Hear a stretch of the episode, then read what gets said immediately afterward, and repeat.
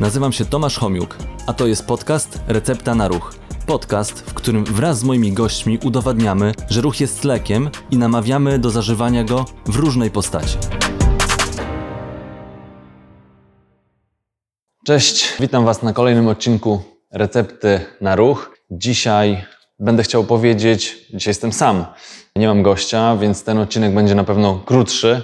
Jestem bardziej konkretny, nie lubię owijać bawełnę, dlatego będę starał się jak najwięcej takich treści przekazać, które będą po pierwsze poparte badaniami, poparte fizjologią, ale nie będzie to jakiś tam skomplikowany, zawiły sposób. Przedstawiane, tylko będę w prosty sposób. Chciał powiedzieć o tym, jak zużywamy kalorie, a szczególnie jak zużywamy te kalorie pochodzące z tłuszczu, z metabolizmu tłuszczowego, co będzie oczywiście w jakimś tam stopniu wpływało na to, jak możemy redukować tą tkankę tłuszczową, jak e, pozbywać się tej tkanki tłuszczowej. Oczywiście to nie jest takie proste. Ja z kolei będę chciał to przekazać w taki zrozumiały sposób, tak żeby wyciągnąć z tego jak najwięcej dla siebie z takich praktycznych rad. Posłużę się badaniami oczywiście. To nie jest wymyślone przeze mnie, tylko to było gdzieś analizowane wielokrotnie.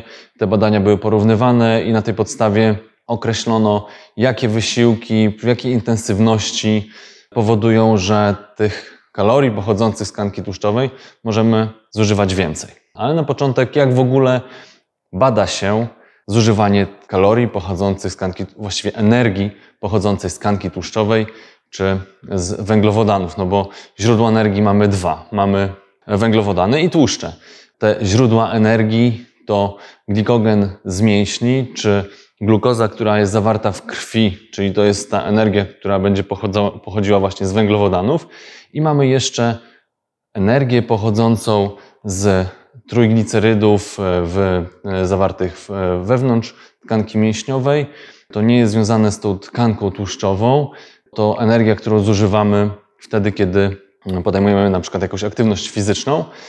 Czy drugim takim źródłem to są właśnie wolne kwasy tłuszczowe, zawarte w krwi i one z kolei właśnie będą bardziej związane z tą tkanką tłuszczową, no, której nie lubimy, której chcemy się często pozbyć. Jak to w ogóle zmierzyć? Jak, skąd czerpiemy tą energię? I tutaj są różne metody, bardziej bądź mniej skomplikowane do tego, żeby zmierzyć. Są na przykład komory kalorymetryczne, które, które badają nam właśnie ile energii pochodzi z węglowodanów, a ile z tłuszczu. Ale takie komory są stosowane w niewielu miejscach, trudno dostępne i raczej rzadziej wykorzystywane. Mamy jeszcze kalorymetrię pośrednią, czyli to jest taka metoda, gdzie analizowane są gazy wdychane i wydychane, czyli ilość pochłanianego tlenu i mm, wydalnego dwutlenku węgla, czyli mamy tam taki wskaźnik wymiany oddechowej i dzięki temu wiemy, jak są te zależności, jaka energia e, jest zużywana, ile stosunek tlenu do dwutlenku węgla, wtedy jest mm, możliwość wyliczenia tego wskaźnika i określenia, która energia pochodzi właśnie z węglowodanów, a która z tłuszczu. Także dzięki takim metodom jesteśmy w stanie zauważyć, kiedy zużywamy jaką energię. Oczywiście ta metoda e, kalorymetrii pośredniej jest częściej stosowana, ją można wykorzystywać przy różnego rodzaju aktywnościach, jakie wy wykonujemy, no bo oczywiście energię zużywamy cały czas. Wtedy, kiedy śpimy, wtedy, kiedy siedzimy, kiedy stoimy, kiedy wykonujemy taką czy inną aktywność ruchową. Także tej kalorii cały czas zużywamy, ale badania pozwalają nam na to, żeby dokładnie określić, kiedy jakich źródeł tą, tą energię czerpiemy. No i tutaj jeszcze warto powiedzieć, o tych badaniach jeszcze powiem, ale warto jeszcze, skoro jesteśmy przy tkance tłuszczowej i przy takich zaleceniach, z których możemy skorzystać po to, żeby utrzymać na przykład mm, odpowiednią masę ciała albo zredukować zawartość tej tkanki tłuszczowej w naszym organizmie, no to takie podstawowe zalecenia dla utrzymania odpowiedniej masy ciała, no to wiemy z takich zaleceń chociażby Światowej Organizacji Zdrowia, że powinniśmy stosować 150 minut umiarkowanego wysiłku w tygodniu bądź 75 minut intensywnego wysiłku w tygodniu, ewentualnie połączenie tych dwóch rodzajów wysiłku. Natomiast jeśli ktoś ma nadwagę, otyłość, no to tutaj te dawki trzeba będzie na pewno zwiększyć po to, żeby osiągnąć taki deficyt kalory, kaloryczności przez zwiększenie aktywności fizycznej. Oczywiście ten, to można regulować poprzez dietę i poprzez aktywność fizyczną. Najlepiej połączyć, można powiedzieć, dwie strategie. Tutaj takie zalecenia mówią o tym, że powinno się stosować od 150 do 250 minut w tygodniu umiarkowanego wysiłku fizycznego, takiego, który jednego dnia trwa do 60 minut. Natomiast jeśli ktoś ma potrzebę zrzucenia większej ilości kilogramów, pozbycia się, głównie zależne od pozbycia się tkanki tłuszczowej, no to ten wydatek musi być znacznie większy i te zalecenia mówią o tym, że ten wydatek powinien być większy niż 420 minut w tygodniu. Warto, żeby te wysiłki podejmowane w ciągu dnia były, było ich więcej niż 60 minut. Także tak to wygląda, natomiast często osoby, które podejmują, chcą podejmować aktywność fizyczną, często mamy taką wymówkę, że brakuje nam czasu. Może i dobra wymówka, ale przez to naukowcy zaczęli poszukiwać sposobów na właśnie na to, żeby zrzucić tą tkankę tłuszczową w miarę szybko, w miarę efektywnie, żeby pozbyć się tej tkanki tłuszczowej. I tutaj wiemy doskonale, znaczy może nie doskonale, ale e, wiemy, że właśnie takie treningi wytrzymałościowe pozwalają nam na to, żeby tej, zużywać więcej energii, e, szczególnie jeśli te wysiłki trwają dłużej. Tutaj mówi się o tych wysiłkach o umiarkowanej intensywności i jakby z fizjologii wynika, że na początku każdego treningu czerpiemy energię głównie właśnie e, z tych e, procesów metabolicznych opartych na węglowodanach, znaczy czerpiemy z węglowodanów tą energię i w miarę trwania wysiłku, w miarę trwania, mówimy o wysiłku wytrzymałościowym, bo głównie o wytrzymałościowym chciałem dzisiaj opowiedzieć i ten wysiłek wytrzymałościowy im trwa dłużej, tym no, po pewnym czasie zużywają nam się te zapasy energii z węglowodanów i zaczynamy coraz więcej czerpać energii e, z tych e, źródeł tłuszczowych. Zarówno tych zawartych w, e, mięśniach, czyli tych wewnątrzmięśniowych trójglicerydów, ale też z tych wolnych kwasów tłuszczowych i na tym by nam najbardziej zależało. To oczywiście jak dużo zużywamy tej energii, zależy od różnych parametrów. To zależy od chociażby stopnia naszego wytrenowania, zależy od masy naszego ciała, wzrostu. Także to nie jest tak, że za każdym razem każdy będzie zużywał tak samo dużo energii z węglowodanów czy z tłuszczów, bo tutaj to wszystko jest uzależnione oczywiście też od rodzaju aktywności fizycznej, od rodzaju ruchu, wysiłku, ale też od takich różnic między właśnie płcią, wiekiem, wagą, wzrostem.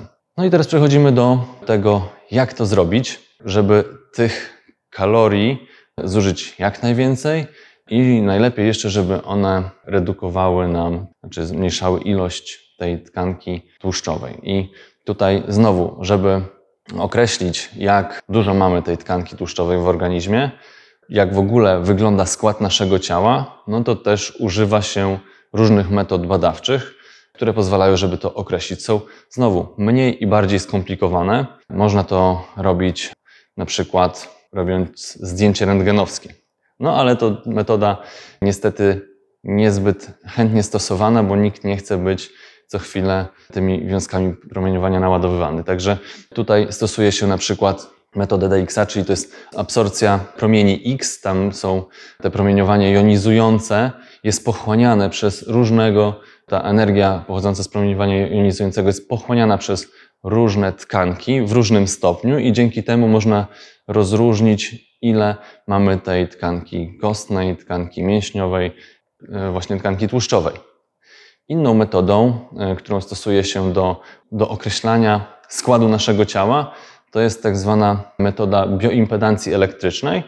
I to pewnie większość, znaczy duża część osób o tej metodzie słyszała, czy nawet próbowała z tej metody korzystać, dlatego że jest to łatwo dostępna metoda.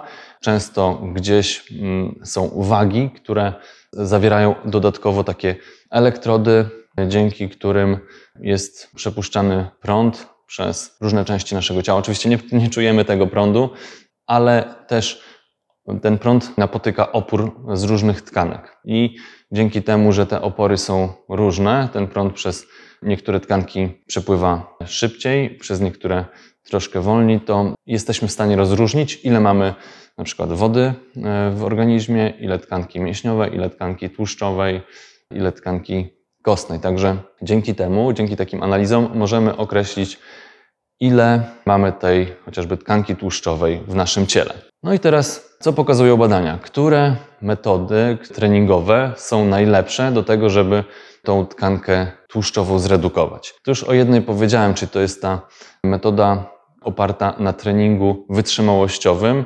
aerobowym, czyli no to, to będzie bieganie, pływanie, rower, te wszystkie mm, sporty, gdzie mamy powtarzalny ruch, gdzie mamy długotrwały, powtarzalny ruch. I ten, ten rodzaj wysiłku wytrzymałościowego warto wiedzieć, że wcale nie musi być bardzo intensywny, bo się okazuje, że te mm, wysiłki o większej intensywności, długotrwające, one e, wcale nie są tak efektywne jak na przykład wysiłek o umiarkowanej intensywności, który trwa dłużej. Tutaj znowu trzeba sobie mm, uświadomić to, że właśnie na początku czerpiemy bardziej energię z węglowodanów.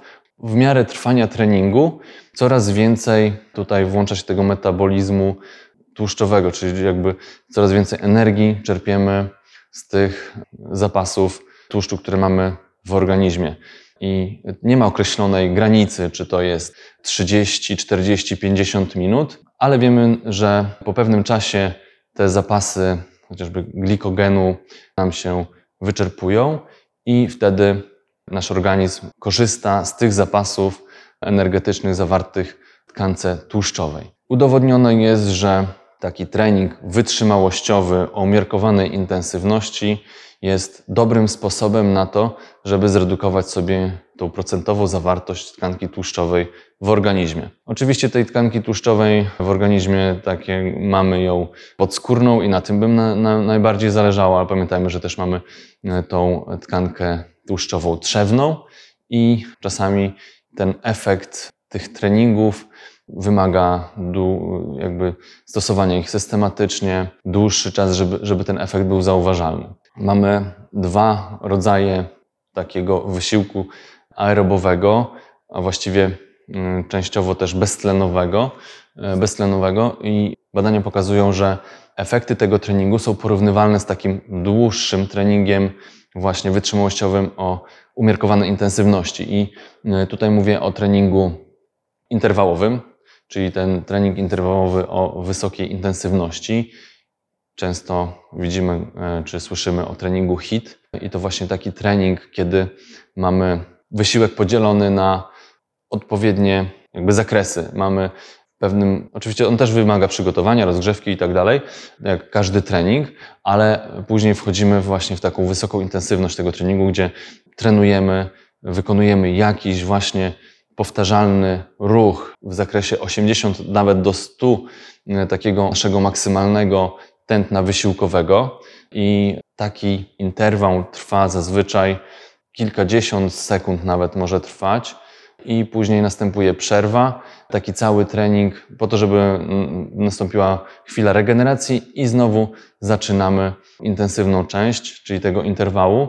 E, i taki cały trening trwa od 25 do 30 minut, czyli tutaj badaczom zależało na tym, żeby ocenić, czy w krótszym czasie da się osiągnąć podobne efekty, jeśli chodzi o e, redukcję tkanki tłuszczowej. I czy jak to wyszło? Porównując te, te badania, okazało się, że efekty są bardzo podobne. Czyli mamy do wyboru albo trening dłuższy, powiedzmy godzin, godzinny, czy nawet trwający ponad godzinę, czy trening, który jest krótszy, bo na przykład trwa 25 minut, ale bardziej intensywny. Tutaj oczywiście oba treningi dają dodatkowe korzyści, poza tym, że zużywamy energię i dochodzi do redukcji tej tkanki tłuszczowej, no to poprawiają nam się różne parametry, czy może dojść do obniżenia ciśnienia tętniczego krwi, a właściwie jeśli to jest trening systematyczny, który trwa dłużej, to na pewno dojdzie do obniżenia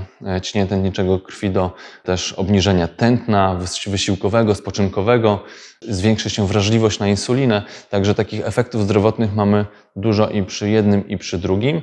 Natomiast jeśli chodzi o takie parametry wydolnościowe, to ten, ten trening HIIT, przez to, że jest bardziej intensywny, on zmusza nasz układ oddechowy, układ krążenia do tego, żeby on wszedł na wyższy poziom. Przez to, że nie jest taki monotonny, stały, no to tutaj poprawiają nam się te parametry wydolności aerobowej.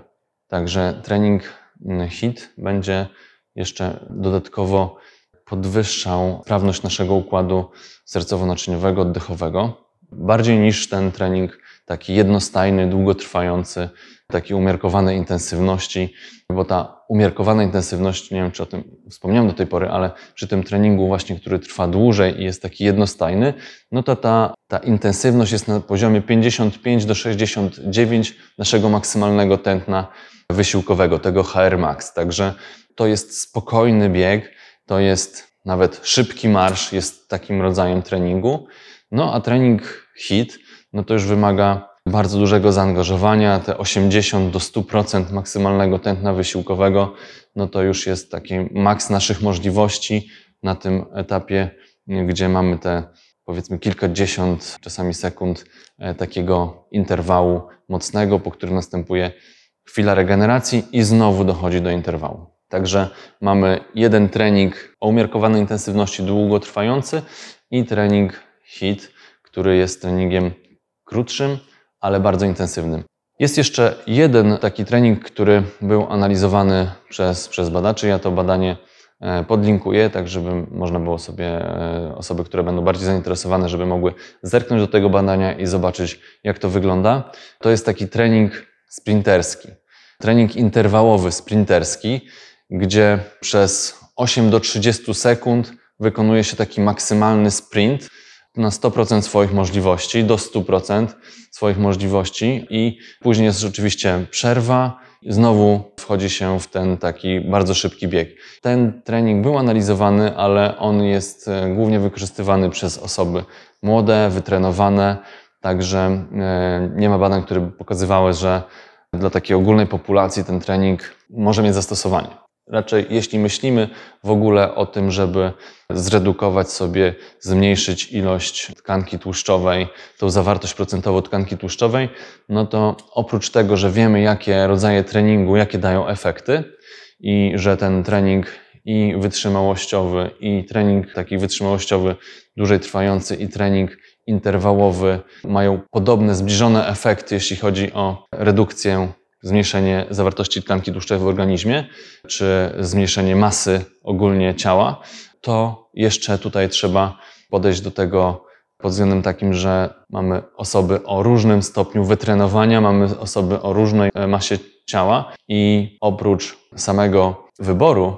treningu, to musimy myśleć o intensywności, o tym, jakie obciążenia będą działały na poszczególne osoby i na pewno dla osób mniej wytrenowanych szukamy takich rozwiązań, które będą mniej obciążające. I ja raczej bym przyjął taką strategię, że dla osób, które nie wiem, mają właśnie nadwagę, otyłość, to e, zacząłbym od takich form mniej intensywnych, gdzie możemy zobaczyć, jak w ogóle organizm reaguje na wysiłek, gdzie właśnie nie będzie to coś nieprzyjemnego, no bo trening taki interwałowy, przez to, że on jest tak bardzo intensywny, no to oczywiście wiąże się z pewnymi konsekwencjami. Wiąże się z tym, że później po takim treningu na następny dzień mamy zwiększoną bolesność mięśniową.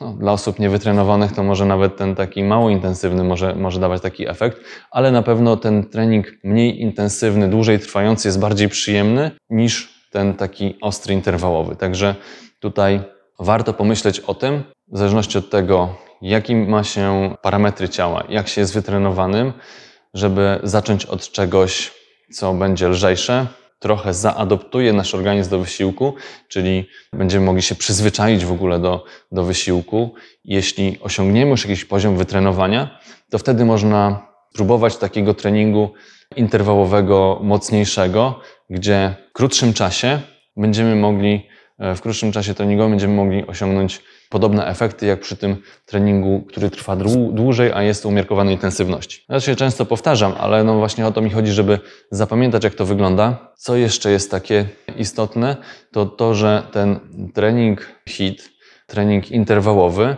to tak jak już powiedziałem, on wiąże się z pe- pewnymi konsekwencjami i też są badania, które pokazują, że po tak intensywnym treningu energia jest też czerpana po tym treningu, czyli jakby proces powracania do tych parametrów wyjściowych, e, czyli tutaj uzupełniania tych zapasów energetycznych. To, że później po takim treningu, przez to, że podgrzewamy bardziej ciało, to termoregulacja jest pod, podkręcona, to później te wyrównanie termoregulacji, to tutaj też zużywamy energię na to. Na czasie takiego treningu może dochodzić do jakichś tam małych procesów zapalnych w mięśniach i później ta sama regeneracja mięśni, ona też wymaga zużywania energii, także tą energię zużywamy również po treningu. Ale w takiej dłuższej perspektywie, gdzie badacze porównywali efekty po tam 12 tygodniach, po kilkunastu tygodniach trwania takiego treningu, jakby jednego i drugiego efekty były podobne, jeśli chodzi o ubytek masy ciała, o zmniejszenie zawartości tkanki tłuszczowej. Także treningi wytrzymałościowe są dobre, jeśli chodzi o efektywność, o właśnie bardzo w uproszczeniu pozbywanie się tkanki tłuszczowej, ale jeszcze warto pamiętać o tym, żeby to dostosować do każdego, do siebie do, indywidualnie, bo e, pamiętajmy, że nie tylko właśnie rodzaj treningu się liczy, ale też dawka. Po takim treningu interwałowym na pewno potrzebujemy dnia regeneracji. Przy takich treningach o umiarkowanej intensywności, nawet jeśli wykonamy dzień po dniu, no to nic się nie stanie, ale te treningi interwałowe wymagają, a z kolei treningi interwałowe wymagają, żeby był czas na regenerację, żeby organizm wrócił do, naprawił te wszystkie zmiany, wyrównał te wszystkie zmiany, które zaszły podczas tego treningu, odbudował wszystko, co trzeba i dopiero wtedy można podjąć następny taki trening, bo to jest obciążający dla organizmu. I, i tutaj bardzo ważna jest ta regeneracja, żeby przypadkiem nie przeciążyć, nie popsuć e, sobie czegoś w swoim ciele przy okazji tego efektu, jaki chcemy osiągnąć, poprawić swoją wydolność, zmniejszyć na przykład tą masę ciała, e, to żeby przypadkiem się jeszcze e, nie, nie uszkodzić. Dlatego też ten dobór formy treningowej jest tak, tak ważny. Czyli tutaj nie tylko właśnie ta forma treningowa, dawka, czyli ile w tygodniu powinno być tych treningów, z jaką częstotliwością, czy to jest trzy razy w tygodniu, czy to jest pięć razy w tygodniu, jaka jest intensywność konkretnej, pojedynczej jednostki treningowej. Tutaj mówimy o tej umiarkowanej, w tym dłużej trwającym treningu i o, o, o tej jednostce, która mniej nam zajmuje czasu, ale jest bardziej intensywna, bardziej wymagająca. No także taka recepta na ruch, to w zależności od tego, jaki efekt chcemy osiągnąć, to musimy za każdym razem dobrać rodzaj treningu, tak jeszcze podsumowując, rodzaj treningu, dawkę, czyli ile w tygodniu, jaka intensywność pojedynczej sesji treningowej i ile czasu trwa ta pojedyncza sesja treningowa. Dopiero jak weźmiemy pod uwagę te wszystkie elementy i to dopasujemy jeszcze konkretnie do konkretnej osoby, w zależności od tego, e, jaki jest stopień wytrenowania, czy ma jakieś problemy bólowe, czy ma nadwagę, co też stanowi dodatkowe obciążenie dla organizmu. Jeśli weźmiemy te wszystkie elementy pod uwagę, to jesteśmy w stanie to odpowiednio zaplanować, tak żeby uzyskać jak najwięcej efektów, a przy okazji niczego nie popsuć. Także ten odcinek, tak jak mówiłem, krótszy odcinek, bardziej konkretny, nastawiony na konkretny temat. Co jakiś czas będę chciał właśnie w ten sposób poruszyć różne tematy, właśnie jak taka recepta przy konkretnym jakimś efekcie, jaki chcemy osiągnąć, albo przy jakimś konkretnym problemie, który chcemy, którego chcemy się pozbyć. Także dziękuję bardzo za uwagę i do zobaczenia kolejną środę o godzinie 12. Dziękuję.